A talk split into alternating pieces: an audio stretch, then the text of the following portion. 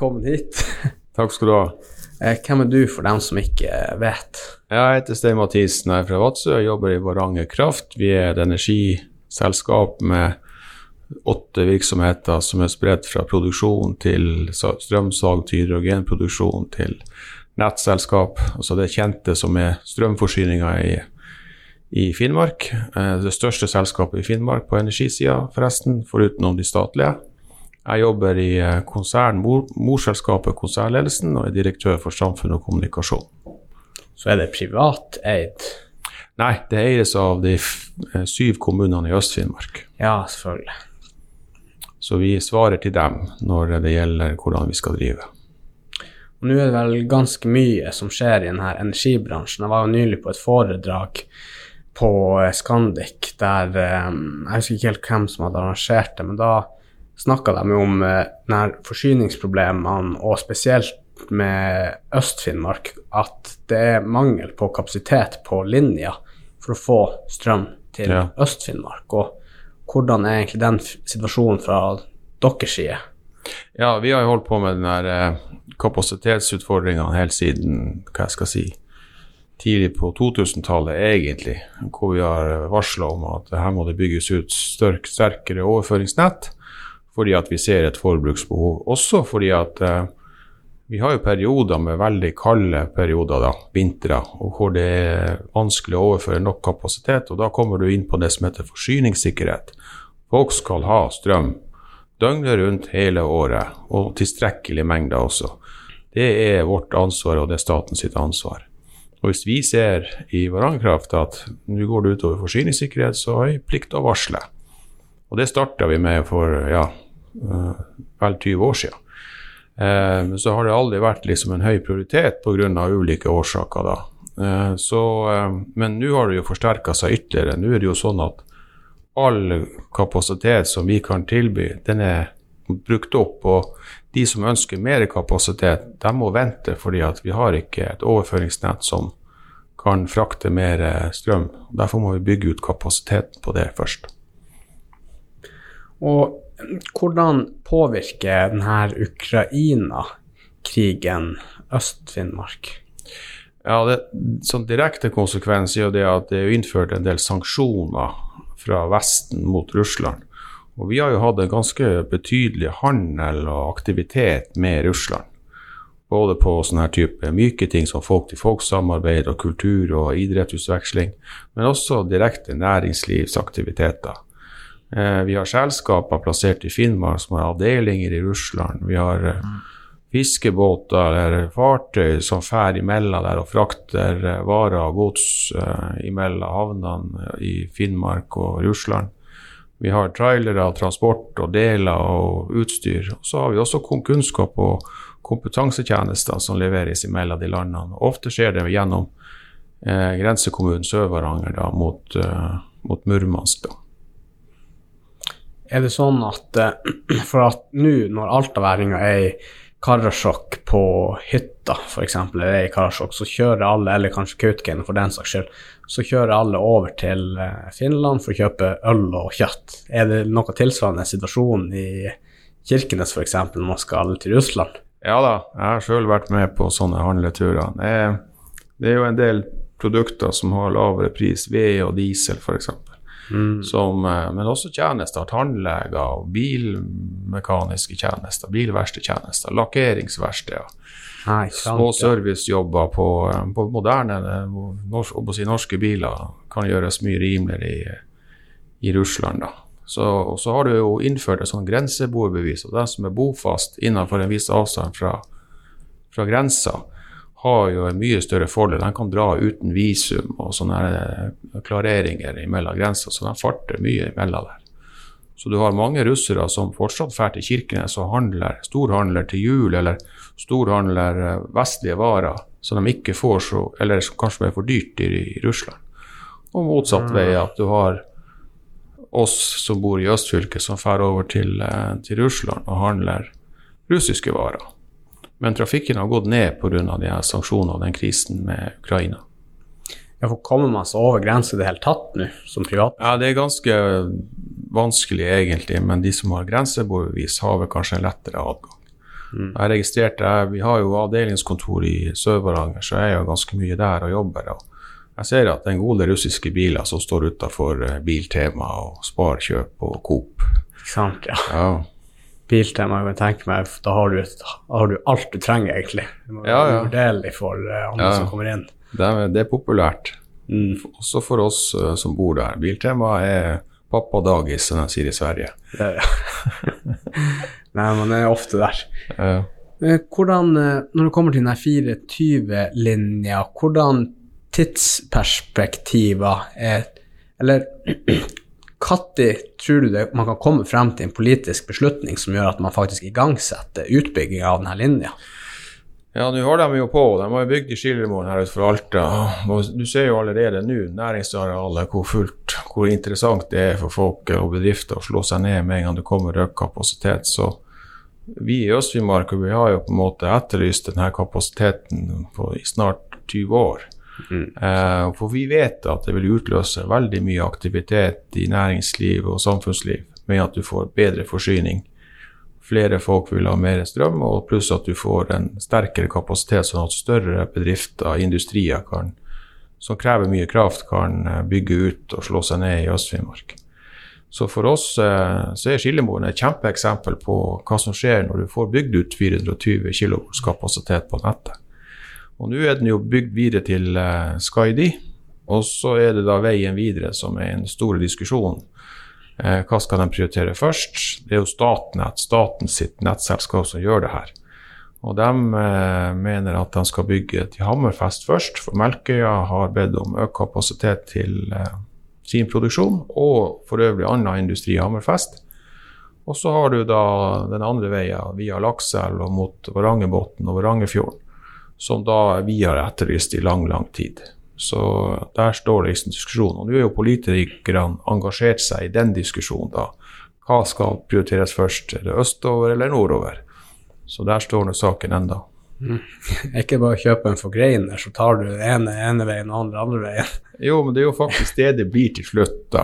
Ah. Eh, det blir jo en forgreining. Eh, men det som på en måte vi som, som jobber med kraftsystem, eh, vi har jo store problemer med å fortelle på en sånn vanlig måte, så det er lett forståelig hvordan systemet funker.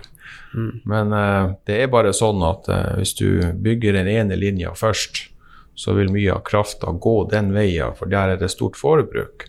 Da blir det Ah, min ja. mindre den andre veien. Det er akkurat som en vannledning. Hvis du har en totoms vannrør den ene veien, og det blir fullt opp og fullt trakk på, og så har du en tynn avslag den andre veien, så har du ikke så mye kapasitet igjen den andre veien. Så skulle man bygd den ene plassen og så bare begrense at bare 50% av kapasiteten er tilgjengelig, og så reserverer du halvparten til Kirkenes. Det er jo der de her eh, nettstasjonene og transformeringa av energien kommer til å være avgjørende. Men når en kunde har bedt om så og så mye, så må nettselskapet levere så mye i nettutbygging. Du kan ikke si at ja, beklager, men du får bare halvparten, men du må betale for alt sammen. Det går ikke. Så det blir en stor diskusjon er da hvem som skal bygge først. Men for hele Finnmark så er jo faktisk eh, etterspørselen etter eh, mer elektrisk kraft så stor at man egentlig skulle ha bygd en 420 kV-linje til opp til Finnmark. Faktisk. Sant? Så, eh, og da kommer du borti det her med urørt natur og areal og monstermasterdiskusjon og diverse ting. Men behovet er der. Sånn at eh, det er ingen tvil om at hvis du bare hadde bygd basert på behov, så skulle man ha bygd eh, ganske mange kraftige høyspentlinjer til, til Finnmarksområdet. Ja, for at Finnmark og Nord-Norge egner seg jo ganske bra for f.eks. sånne her datasenter, som er veldig, tar mye kraft på sommeren, men på vinteren så får den en sånn naturlig nedkjøling. Hvis du sammenligner det med at de er i Silicon Valley, der det er sikkert ørkentemperaturer året rundt, så bruker de betraktelig mer energi for å kjøle ned det her. Ja, Eh, vi har jobba litt med datasenter, eh, tilrettelegging i Varanger Kraft for det var vel i 13, 14 og 15 vi så litt på det der.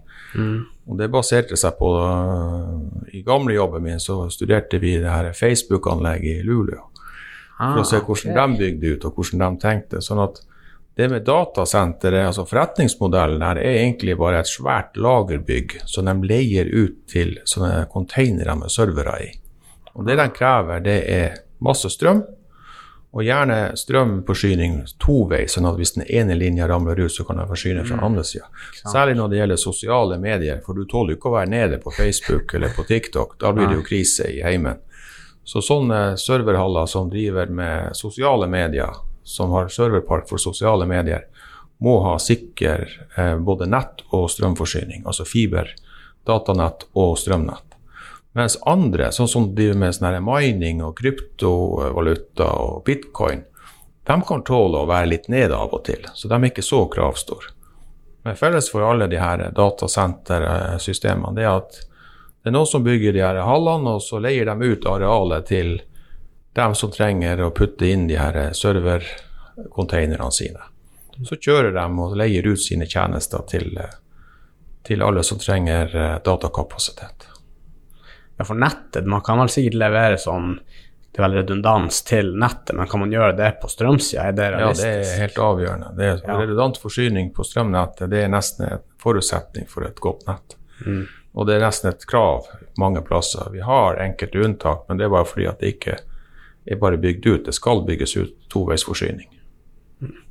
Men det som datasenteret, det er noe som er samfunnspositivt med tanke på at de trenger kanskje ikke så mange ansatte, men kommer bare og tar masse av nettet og tjener mye penger på, på det. rett og slett. Ja, det er i hvert fall stor etterspørsel å bygge sånne anlegg i nord, da. Pga. Mm. kraftpris og klima, som du nevnte, at det trenger ikke så mye kjøling. Men du har helt rett. Eh, hvis du har behov for å levere en viss mengde elektrisk kraft, så hva vil du velge? En industriarbeidsplass med 50 ansatte eller en datasenter med to ansatte? Mm. Så får man velge. Sant, ja. Jeg ville valgt industri. Ja. Men hvordan er det nå? Er det, er det mange i Sør-Varanger nå som er sulten på å etablere nye og fine og flotte fabrikker, men de, ikke, de får ikke det siden at eh, det ikke er kraft der? Ja, det er jo litt spesielt sånn som vi, vi, eh, vi, eier jo et nettselskap som mm. har ansvaret for å forsyne alle i Øst-Finnmark med elektrisk kraft. Så vi eier det nettet som da eh, transportere energien rundt omkring. Mm. Så vi er av de første de spør, de som ønsker å etablere seg. Er det strøm nok? Så vi blir veldig tidlig kontakta. Så vi har en lang liste over aktører som har lyst til å slå seg ned i vårt område, som dessverre ikke har, eh, vi ikke har kapasitet til å levere på. Så det vi gjør da, det er å kontakte Statnett, som eier hovedmotorveiene i, Nord i Norge, og spør når får vi økt forsyning til vårt område. Og det er jo det Statnett driver og, og, prøver å finne ut av og skal prioritere. Hvor du mail tilbake? Jeg har ventetid på tre til fire år på ja, av mailer. Vi har jo dårlige opplevelser med at aktører sier at ja, men da drar vi en annen plass. Ja, da drar de til Nord-Sverige eller Nord-Finland eller uh, Polen eller andre plasser. Ja, så vi mister egentlig konkurransekraft ja, globalt ja, til andre nordiske land. Da har du stikkordet. Nå er det en global konkurranse om å få etablert industri. Og Grunnen til at jeg kommer hit, det er at det er trygt, politisk trygt, forutsigbart, flinke folk, lave strømpriser, kaldt klima. Eh, nettet, altså avstand når du skal drive med sånn type industri som på en måte baserer seg på naturressurser og er litt arealkrevende, så er ikke avstand til markedet så viktig. Mm. Som f.eks. hvis du skal drive med, med matvareproduksjon eller malmproduksjon eller sånne ting, så, så, kan de godt ligge langt unna markedet. Fordi det er så mye gunstig de andre faktorene. Ah, ikke sant, ja. Og det krever folk og stedlig kompetanse. Og industrikompetanse har vi enda i Finnmark, ganske mye av. Så uh, vi må bare prøve å få dem til å slå seg ned straks vi får mer, mer kraft i nettet. Mm. Hvordan er det da hvis vi får innført denne uh, linja, Sør-Varanger? Vil det, da vil vi betale like, like priser som søringene gjør. Nei, jo da vi sliter, vi kraftfolk, med å forklare logikken i kraftsystemet. Men det er ikke sånn at jeg hører, jeg leser jo og får jo med meg, og mange som krever at, eller påstår at da får vi sørnorske priser til Nord-Norge. Mm. Eh, men Det er jo sånn at uh, prisene dannes i et marked, i et system. Hvis du har mer produksjon enn etterspørsel, så er det lave priser. Har du det motsatte, så har du høye priser. Så det er litt spørsmålet er hvor mye vi kan produsere sjøl, og hvor mye vi etterspør sjøl. Og hvor gode nettforsyningslinjer vi har som kan transportere den energien rundt omkring i, i landsdelen. Så det er ikke noe automatikk i at du importerer sørnorske priser. Mm. Dessuten så må du minne på at mesteparten av den energien som vi produserer i Nord-Norge, som vi ikke bruker sjøl, den eksporterer vi via Sverige og ned til det ah. norske nettet, hvis det er norske som skal ha det. For det, det, det strømnettet vi har, det hovednettet vi har i Norge, det er tett kobla mot Sverige og Danmark og Finland. Sant, ja. Så det er liksom et nordisk kraftsystem, egentlig. Og de som har hatt litt fysikk på, på, skolen, vet jo at strømmen tar korteste vei. Ja. Nei, jeg har gått i fysikk, faktisk, så jeg fikk ja. med meg akkurat det. ja, ja, så det er jo sånn på en måte de som elsker det her nordiske kraftsystemet, sier at vi har bygd ut et nett som bare drar fordeler med at vi har kobla hverandres nett fast til hverandre, og da går strømmen korteste vei, istedenfor at man skal bygge hver sin separate forsyningslinje. Men kan man ikke få resten av kapasiteten man trenger fra Sverige, da? Vi får mye kapasitet fra Sverige i dag også, men eh, svenskene ja. bygger også ut, og de trenger også ja, mer strøm. Ikke sant, ja. Så det er ikke liksom bare vi ikke alene her. Eh, det som de bygger ut i Nord-Sverige nå på vindkraft, det er kolossalt. Og så vet vi at eh, gruvebedriften LKAB i Kiruna skal ha vanvittige mengder med elektrisk kraft de kommende år, for de skal også slutte med fossilt utslipp eller CO2 og fossil, bruk av fossile energikilder. Sånn at uh, både forbruk og produksjon i Nord-Sverige kommer til å eksplodere de kommende årene. Har uh, Nussir fått reservert kraft for sin gruve? Hvis det, du, blir det, det vet jeg ikke. Uh, det er jo Hammerfest Energi, tror jeg, som, ah. som må, du må spørre der. Ja. Og Statnett, selvfølgelig. For hvor utforsker dere alternative løsninger som batterilagring, eh, atomkraftverk eller noe undervannsske turbiner? Ja, vi gjør jo det. Artig at du spør. Vi har jo Jeg nevnte jo kanskje i starten at det er jobben min er å finne på nye forretningsmuligheter for vår virksomhet. Så jeg jobber mye med produksjon, og så har jeg også jobba med starten og, og ideen rundt å produsere hydrogen i gassform av elektrisk kraft gjennom noe som heter elektrolyse. Du spalter mm. vannatomer. Så får du da noe varme og noe energi, og så får du hydrogen. Og det hydrogenet tar vi vare på, komprimerer i en gasstank og skal selge det som energi. Og det her eh, gjorde vi en forstudie med Berlevåg kommune, med, og dem som hadde egentlig ideen. Det var noen luringer i Berlevåg som fant ut at det her må vi kunne finne ut av. Så ble vi med på laget eh, når jeg begynte. og, og så eh, gikk vi i fellesskap og så søkte vi om penger fra et europeisk innovasjonsfond. Mm. Og så fikk vi fem Vi vant. Det var en konkurranse. Jeg visste ikke det da, at EU har sånn konkurranse at når du søker om tilskudd, så er det de beste prosjektene som vinner. Ja. Det er ikke sånn, sånn, som vanligvis når du søker om tilskudd, så får du avslag eller noe sånne ting, eller, eller tilsagn. Her var det det beste prosjektet som vant. Så vant vi ah. i konkurranse med masse europeiske selskaper. Så nå i dag så står det jo en fabrikk og produserer hydrogen i Berlevåg som vi fikk eh, bygd opp ved hjelp av egne penger og støtte fra EU. Vi fikk 50 millioner norske kroner derfra. Svart, det er jo Som vi tester ut med. Ja, ja. Så nå er vi nesten klar til å, å gjøre det rent kommersielt. Så nå leter vi etter kunder og har veldig interessante dialoger med kunder som ønsker å kjøpe det vi kaller for grønt hydrogen. Dvs. Si at det er fullstendig utslippsfri hydrogen. Det eneste vi slipper ut, er vanndamp.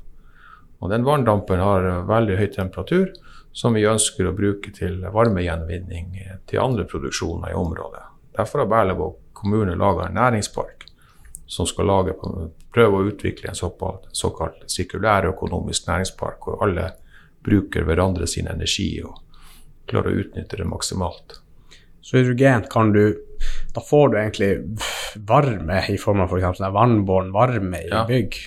For eksempel, eller du kan ja vi har jo en, en, et prosjekt som går på det å transportere den varme energien til et landbasert oppdrettsanlegg. Mm. Du varmer vannet og tempererer vannet der. Ikke sant, ja. Det er jo nesten gratis. Vi skal jo ta betalt for det, men for oss er det jo alternativ å slippe det ut i lufta. Mm. Eh, så har du også muligheter for, for sentral eller fjernvarme, som det heter, hvis det er det om å gjøre. Eller eh, gartneri i Berlevåg, det hadde jo vært kult. Mm. Solgt epler og bananer fra Berlevåg, det er vel ikke ingen som har prøvd før. Tropisk klima. Ja, ja. Nei, men det er artig å prøve. Nå er det jo sånn at også det hydrogenet kan du kjøre gjennom en brenselcelle, og så skaper du elektrisk energi. Du har jo kanskje hørt om hydrogenbiler. Det er jo det de gjør. Vi hadde jo faktisk en sånn, sånn Toyota hydrogenbil på, på sånn roadshow her i sommer, hvor vi kjørte rundt omkring. Ah. Dessverre så ble det levert med halv tang, så vi torde ikke å kjøre så langt. Men eh, ellers så var det kult å se hvordan du kan lage en veldig stilig bil bare med, basert på hydrogen som, som energikilde. Og den kjører jo mye lenger enn batteribiler. Ikke sant, ja.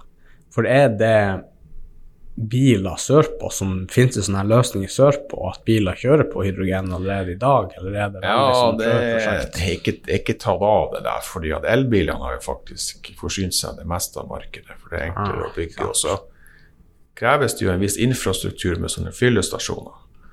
Og der er det ikke helt tatt av ennå. Men jeg ser at uh, i Tyskland, enkelte plasser, og i USA så kommer det mer og mer. Så eh, vi ligger nok litt bak eh, elbilmarkedet. Eh, men hvis myndighetene f.eks. går foran og lager litt insentiver, som det heter, litt subsidier for kjøp og utbygging av fyllestasjoner og hydrogenbiler, så vil det ta av. Spesielt på tungtransport, for det er vanskelig å få eh, trekkvogner til semitrailere til å gå på batteri. Det blir for mange stopp. Men lager du en trekkvogn som går på hydrogen, så er det nesten som å kjøre diesel i dag. I, i kjørelengde, altså. Og så er det pris og alt det andre som kommer til. Da. Sånt, jo, til syvende og sist det er jo kundens betalingsvilje som avgjør. For hydrogen det lager dere egentlig bare ut ifra den energien dere har til overs fra de vindkraftverkene dere har. Ja, altså til overs og til overs. Vi kan godt eh, prioritere produksjonen til Det kommer jo an på volum og mengde. Mm. Men sånn, sånn som den vindparken vi har for Berlevåg, som da leverer energien til denne hydrogenfabrikken, den er jo sånn at den leverer jo på nettet det de ikke leverer til, direkte til en kunde. Ja, Og nå er det jo sånn at det er lite direkte kunde, det er mye på nettet. Og det har noe med forsyningssikkerhet å gjøre også, at vi hjelper til med å forsyne området, siden det er så dårlig nettkapasitet ja fra vest. For at nå er det vel Er det linje Er er det kapasitet på linje fra Berlevåg og ut til resten av Finnmark? Er det kapasitet til å sende all kraften fra vindmølleparken og ut til resten av Finnmark? Ja, vi, vi har jo fått konsesjon på å bygge inntil det som kalles for 200 megawatt installert effekt. Megawatt installert effekt. Men fordi at nettkapasiteten er så trang, så har vi bare klart å bygge ut halvparten. Ok. Så resten står og venter på kapasitet. Enten at du får en stor kunde som skal ha resten av de 200, eller dvs. Si 100 megawatt, eller at nettet bygges ut så vi kan levere det til flere. Så der er det stål i saken. Men det viktigste i Varan Kraft så har vi jo bygd ut kraftproduksjonen basert på et behov for å forsyne nærområdet og styrke forsyningssikkerheten pga. den dårlige nettforbindelsen som er til nesten, resten av Norge. Vi ligger jo liksom i enden av Norge på en måte på kartet, i et nettområde. Det, så vi har bygd ut Pasvik, vi har bygd ut eh, Kongsfjord, et lite kraft, vannkraftverk der. Et lite vannkraft i Nesseby kommune som heter Garnvik. Og så nå det siste så har vi bygd opp på fjellet der i sånn steinørken som heter Ragotskjerro. Som er da vindkraftverket vårt. Sant. Da er det jo mye som skjer.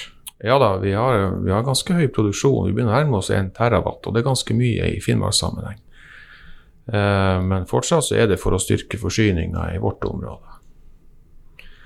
Jeg tenker jo, når jeg ser en vindmølle, tenker jeg bare Nice, her kan man se på noen andre jobbe for deg, og du får gratis energi. Det er litt min tankegang. Men det virker som at de fleste hater jo veldig mye på Ja. vind. Hva er greia? Er det bare fordi det er en, en stor stang ute i naturen? Det Er det som er så jævlig med det? Ja, nei, altså, nå er jeg ikke akkurat objektiv der, da, men nei, Nei, det, det må jeg si med en gang. Men eh, jeg registrerer jo at de som på en måte kritiserer det her med vindkraftutbygging og de her turbinene og de her svære propellene som veiver opp i urørt natur og sånne her ting, at de syns det er stygt. Det har jeg all forståelse for. Men det er mye samfunnskritisk infrastruktur som er stygg. Det, det finnes jo ikke pene veier. Altså, hvis du kikker på en vei, så er den rimelig stygg i seg sjøl. Så, ja. så jeg tenker sånn at noe må man godta, og noe kan man ikke godta. Og så er jo diskusjonen da om ja, er den plassert på rett plass, da, de vind, vindparkene. Eh, og det syns jeg faktisk eh, mange av de kritikerne har rett i. Det er mange plasser i Norge hvor man har vært litt ukritisk med plasseringa av eh, en, en, vindpark. Hvor de burde vært plassert en annen plass og gjort samme nytta. Så da kan jeg forstå kritikken. Men sånn som vår park, det er så vidt den synes. Den er langt én mil inn på fjellet. Du, du må nesten ha klarvær og strekke deg på tå for å se den. Mm. Og Da regner vi at vi er rimelig sånn usynlige. Men så har vi jo beitenæring og, og næringsinteresser i området som ikke syns det er så bra. Og så prøver vi å finne løsninger oss imellom. Så det er bestandig noen som ikke liker sånn type infrastrukturutbygging sånn som det der. Det vil det være. Og jeg har stor forståelse for kritikerne. Men jeg har ingen forståelse for dem som ikke hører på, på den motsatte sida, som som fornekter at det kan være en bra sak. Dem syns ikke jeg er noe særlig å høre på, for de er på en måte lost i sin oppfatning og kun det. Mm. Veldig sånn, hva heter, idealistisk, kanskje? Ja, det kan jeg godt forstå, men selv idealister bruker jo å høre på motargumenter. Men er, jeg syns debatten som har vært på, på vindkraft, har vært utrolig sånn ensidig. Sånn at når vi prøver å forklare kraftsystemet, så er det utrolig vanskelig å bli forstått. Og hvis man er veldig tilhenger av, eller veldig motstander av noe, så bør man i hvert fall ta seg tid til å høre på det. Mm. Den andre sida, for å danne seg en bedre mening. Men der syns jeg det er en mangelvare i debatten i dag. Ja, og de som hater mest, det er jo ofte dem som vet minst, virker det jo sånn. Ja, eh, det, det, det er noen ytterliggående, men du har jo faktisk en eh, en, eh, en anerkjent teori i psykologien som beskriver det der veldig godt. Så hvis du har en kurve hvor du har selvtillit på den aksen som går oppover, mm. Og så har du kunnskap på den aksen som går bortover, så er det ofte at når du skal mene noe om en sak, så er det faktisk en klar sammenheng med at hvis du vet veldig lite om hva du ikke vet, mm. så har du høy selvtillit i starten. Men jo mer du vet, jo mindre selv, selvtillit får du etter hvert. Og til slutt så har du på en måte et kunnskap som du på en måte sier ok, det var kanskje litt vanskelig når jeg trodde. ja, til slutt holder du kjeft, altså. ja. Dunning-Krüger-kurven, det bør folk kikke på. Og Den ja. sier noe om det her med at man er snar ute og mener noe knallhardt. Men hvis man bruker litt tid på å sette seg inn i det, så kanskje man skjønner at det er mer komplisert enn jeg trodde. Ja, for man ser jo de her, hva det heter tastaturkrigerne som klikker helt med en gang det er noe vindgreier på Facebook, og da ja. drukner man jo alt, og da er det jo ingen håp eller ja. formening å komme seg ut av noe som helst. Ja. Da er det nesten ikke vits. Jeg vet, Facebook er kanskje ikke den beste plassen for å diskutere, for der alle driver bare og krangler. Ja, det er veldig mye sånn type påstander. Det, det er jo lett å sitte alene på et, på et rom og bare krangle med noen som du ikke ser. Mm. Men bare husk på at eh, Facebook er ikke virkeligheten. Det er ikke reelt.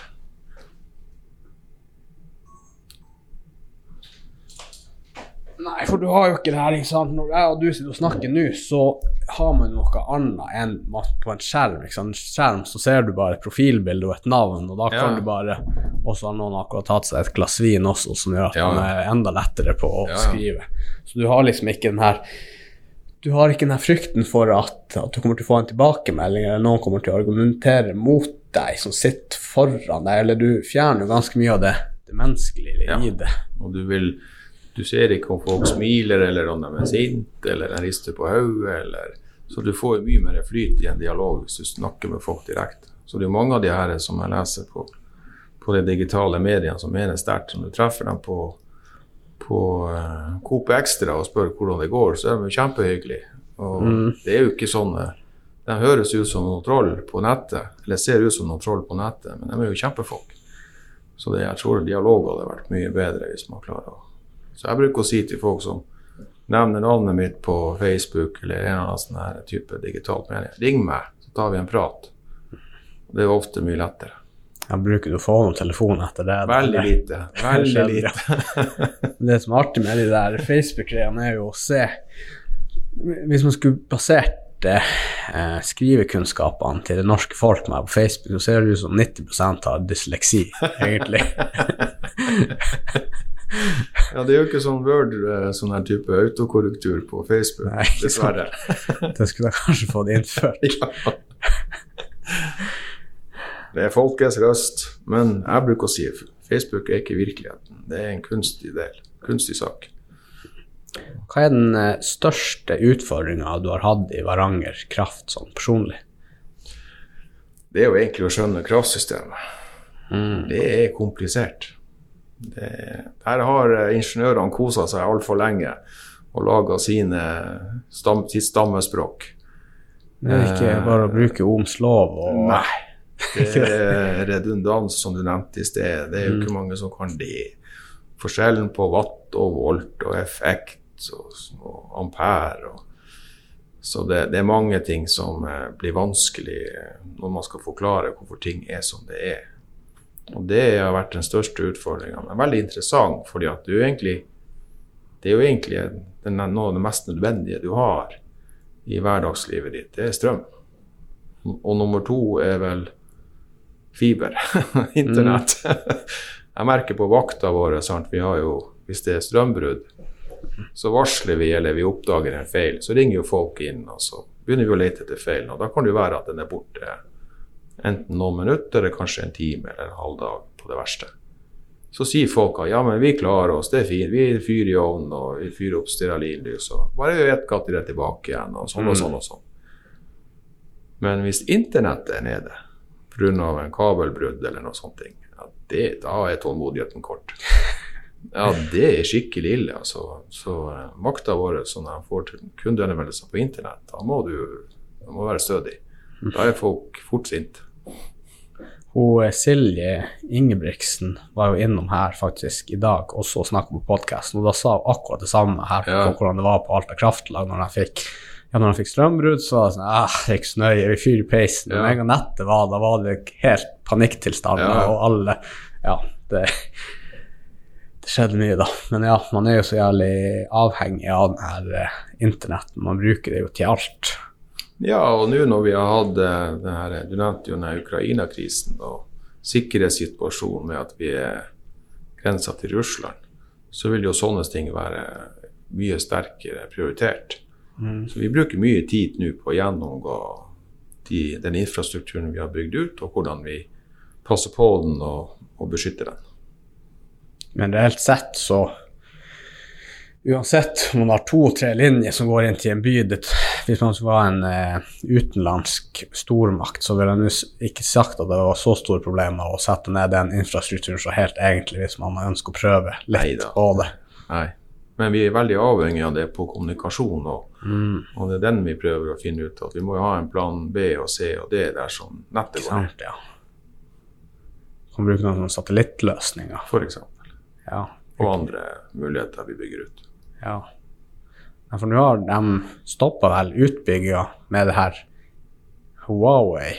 Eh, at de brukte de modulene på 5G-nettet bl.a. for at det skulle være sånn at det var litt kritisk for sikkerheten. Har dere brukt noen sånne Huawei-produkter før? i jeg, vi- jeg kan jo si som så at Vi har gått gjennom en kritisk gjennomgang av leverandører og utstyret vårt. Mm. Og sett på hva som er risiko, og hva som ikke er risiko. Men jeg har ikke lyst til å nevne navn på, på gode leverandører og dårlige leverandører. Det passer seg ikke. Kan bare banke i bordet hvis Huawei er med. Ingen vil se det. Nei da, men det er i hvert fall alle sånne digitale medier og utstyret er jo på en eller annen måte internasjonalt produsert. Det er jo lite som er produsert i Norge. Så da må vi jo gå gjennom og se hvilke komponenter de har brukt, og hvilke regimer som står bak de landene det er produsert i. Så er jo selvfølgelig norske sikkerhetsmyndigheter veldig gode på å oppdatere oss på hva de anbefaler og ikke anbefaler. Så vi, så vi følger det i stor grad. Hva du gjorde før du var inne i kraftbransjen? Eh, Jeg var direktør for Innovasjon Norge i Finnmark. Oppretta faktisk kontoret her i Kunnskapsparken. avdelingskontoret Avdelingskontor. Vi hadde i Vadsø først, og så fant vi ut at eh, det var, Tanadalen er så lang å kjøre, og eh, Widerøe er så tung å fly. Fant, Mm. fant vi ut at vi må ha en avdeling i Alta. Så vi oppretta den her når Kunnskapsparken eh, lyste ut ledige lokaler. Så da bemanna vi opp. Det var noe av det første jeg gjorde. Så jeg jobba der til eh, 2012. Ikke sant? Så da er du godt kjent på bygget her. Ja, ja, ja, ja, ja. Vi har hatt mye artig her. Vi, det der eh, Utenfor kontoret der så er det jo sånn, sånn minglehall. Og i starten så brukte vi den til å bli litt godt kjent med de andre. For det var jo mange som slo seg ned, og alle sammen var Ja, er dere her? Og litt sånn sosialt. Så da eh, Da hadde vi noen sånne kvelder som vi kosa oss på. Til eh, byggeiers stor fortvilelse. Ja, Tore og Bente de måtte varsle dem først. Så. ja nabovarsel. Ja, vi måtte ha en liten eiervarsel. Ja, så ja. Nå blir det fest. Nei, ikke det at vi tok helt av eller noe sånt. Eneste gangen vi er fleipa med hun godeste Bente når vi Hun spurte har dere rydda pizzaeskene bort nå. Ja, så jeg la dem i flygelet. Flygle. Ja, da kom hun med en gang og gikk på den med en gang. Hva er flygle? Det var et svært flygel som sto der i starten. Hva er et flygel? Et piano, et gigantisk ah, piano. Ok, ja, ja, ja, da henger jeg med. Det står der ennå, faktisk. Står det der? Jeg har ikke Ja, vært et sånn sett. svart, Ja, en sånn svart, svær sak. Ja, ja, Ja. Så det der var jo veldig Det var jo stoltheten i lokalet, da. Mm. Så når jeg fleipa, det var jo bare tull, ja, at jeg hadde gjemt pizzaeskene i flygelet, så da, da fikk jeg høre det.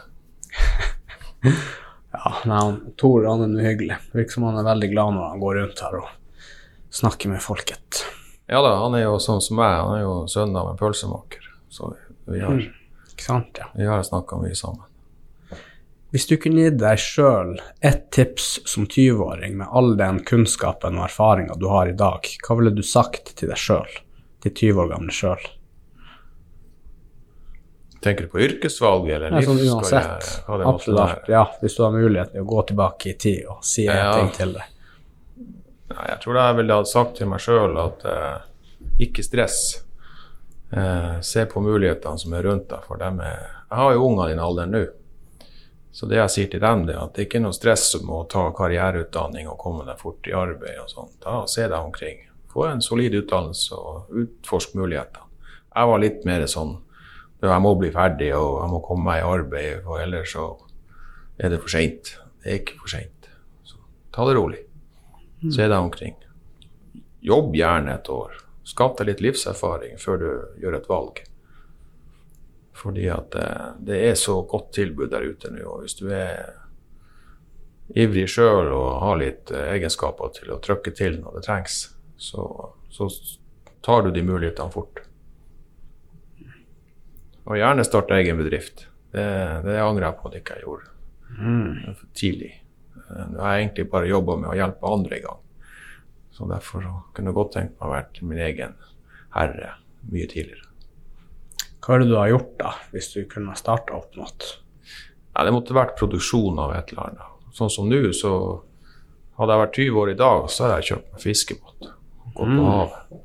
Ikke sant? Ja, det er utrolig. Kanskje jeg skal gjøre det med pensjonist. Altså, Ja. Gå ut der. Men uh, det hadde vært et kult yrke. Eller uh, energimontør. Det trenger vi masse av i høyspent. Teleingeniører, altså telekom. Mm. Altså, yrke, altså elektrikeryrket og telekomyrket ser ut som det smelter i hop mer eller mindre etter hvert. Du må kunne litt av hvert. Rundt både på styring av elektrisk energi, men også kommunikasjon, for det henger sammen. Så hvis du skal ta en sånn superutdannelse og ikke skal bli teoretiker og sitte på et skrivebord, så, så ville jeg kanskje tatt elektrikeryrket kombinert med telekom og høyspent. Ja. Da er du etterspurt. Det tar ikke så lang tid. For når du har det ene fagbrevet, så går det kortere på de andre fagbrevene. Jeg kan jo si fra erfaring at jeg har jo faktisk fagbrev som elektriker, og da får du jo faktisk eh, gjort, gjort veldig mye forskjellig innenfor hva som helst. Du jobber Ja. mye på Grieg Sifu, der jeg var utleid via AB Elektro. Ja. Så der var det jo mye sånn, ja, tekniske løsninger, og det var egentlig alt mulig rart man kunne gjøre innenfor den elektrikerbransjen. Men da kan man jo også være montør for signalbredbånd f.eks. og drive med fibernett og Ja. alt innenfor det, så du har jo veldig mange muligheter, og så har du også veldig mange muligheter til å utdanne deg videre etter du har vært elektriker. Har du en bachelor etter å ha vært elektriker, så er du jo mye mer ettertrakta enn en som faktisk bare har master i Ja. elektronikk eller Ja. elkraft eller hva i Ja. Så det er mange muligheter der. Og så er det etterspurt yrke. Det virker som at det ikke er problemer hos arbeid. Og bare få en enda mer kraft, så at det er Ja, ja, ja. mer oppdrag. Det er kjempeviktig, men jeg tror de som kan kraftsystemet og kan også det håndverket rundt kraftelektronikk, Mm. altså gruppe L-sertifikat eller, eller eh, høyspentmontør eller telekom-montør, de ser sammenhengene mye lettere og kan ta ganske kloke beslutninger på hvordan man skal gjøre ting. For det er jo det som på en måte blir kanskje det viktigste. Før var det kanskje veiingeniører og bygningsingeniører som var det viktigste, men nå syns jeg de her eh, som jobber innenfor elektro og telekom, blir enda mer viktig for å kunne utvikle samfunnet. Har du noe fritid nå, eller er det bare jobb hele tida? Å ja, nei da, det, jeg er ganske kynisk på det der, så jeg prøver så godt jeg kan. Men jeg er jo liksom Jeg jobber veldig mye frivillig verv. Jeg leder en fotballklubb og er nestleder i fotballkretsen og driver litt lokalpolitikk og Så det blir litt lite, men jeg har jo jakta og turer som hellig i sommerhalvåret og, og når sola er tilbake. Mm.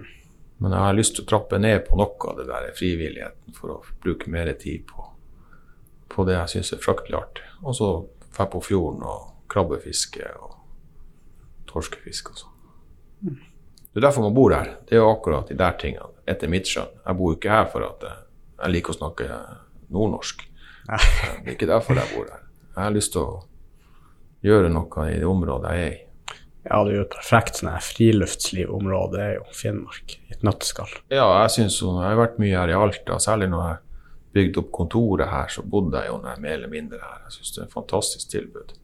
Da var jo Alta i gang med, med masse sånne aktiviteter rundt Finnmarksløpet som vi var med på. Offroad Finnmark har jeg vært med på. Aha. Sykkelbyen Alta, Nordlysbyen Alta, industriområdet. Og det var veldig artig å jobbe her i en periode, for det var så mange som hadde lyst til å, å skape noe. Så, så, eh, så sånn sett så skjønner jeg godt at det er blitt et vekstområde. For at det, man har gjort noen veldig kloke valg i forhold til både boligtomter og arbeidsplasser som er veldig forskjellige fra hele familien. Og pluss at du har et veldig godt fritidstilbud både på organisert og uorganisert fritid. fritid. Det, så misunner vi jo alle de fotballbanene som, som de her entreprenørene har bygd for, eh, befolkninga. Det er helt fantastisk. sant? Ja. Det er helt latterlig mye. Det er utrolig bra. For de har finansiert det nesten. Ja, det er jo dugnad og egne sant. Så det er jo, men på måten bare en ildsjel eh, Ildsjelaktiviteten som har vært der over lang tid, er fantastisk. Ja, det virker som at Alta har en veldig så sterk frivillighetskultur Ja. generelt. Er det noe du ønsker å promotere? Hva som helst i livet, jobb, hva som helst? Nei, det har jeg ikke tenkt på når jeg satte meg ned her. Det er egentlig å promotere Hvis det er folk som er utenfor fylket som lurer på å flytte hjem, så må de ikke nøle. Mm, Det er ja. så mye muligheter her nå at eh, Og ikke hør på det som står i Statistisk sentralbyrå sine rapporter eller noe sånt. Én ting man får med å flytte til Finnmark, det er tid. Du får så mye mer tid. Ikke fordi at det er liksom ingenting som skjer, men fordi at du slipper all den transporten og den logistikken og det stresset for å komme deg hit og dit for å gjøre de mest nødvendige ting. Eh, Det tror jeg man må si ofte nok. Én en ting er jo skattelette og lave avgifter og studienedskrivning, men det er ingen som sier at du får så mye mer tid. Det bør de sette mer pris på. ja, og tid er nå veldig mye mer verdifullt enn penger, egentlig. For Ja. når du er 70 år og har 50 millioner på konto, så har du ikke det så mye å si. Da hadde vi gitt alle dem for å bli Ja, men da er- 60 er, eller jo 20. da er jo tida igjen som er viktigere, ikke når du er 70 år. Ja, ikke tida du har, men tida du har igjen. ja, Da vil jeg bekymre meg for det. ja, men man har ikke så mye tid da, egentlig. Ja, men jeg Jeg synes, skal promotere at du får mer tid med å bo her. mm, Men det er klart at du må trenge det også av og til, og du må kjøre langt. Men det i seg sjøl er også en fin av. Jeg kjører jo utrolig mye bil. Syns det er helt fantastisk å kjøre bil her. ja, men da vil jeg egentlig bare takke deg for at du kom eh, innom her og snakka litt om, om energi og alt rundt det. Og det er jo veldig eh, aktuelt tema akkurat nå i dag med tanke på alt som skjer rundt i verden. Så det var noe hyggelig og informativt å få tatt en prat, så takk for det. Ja, sjøl takk. Greit. Ha det bra, alle sammen.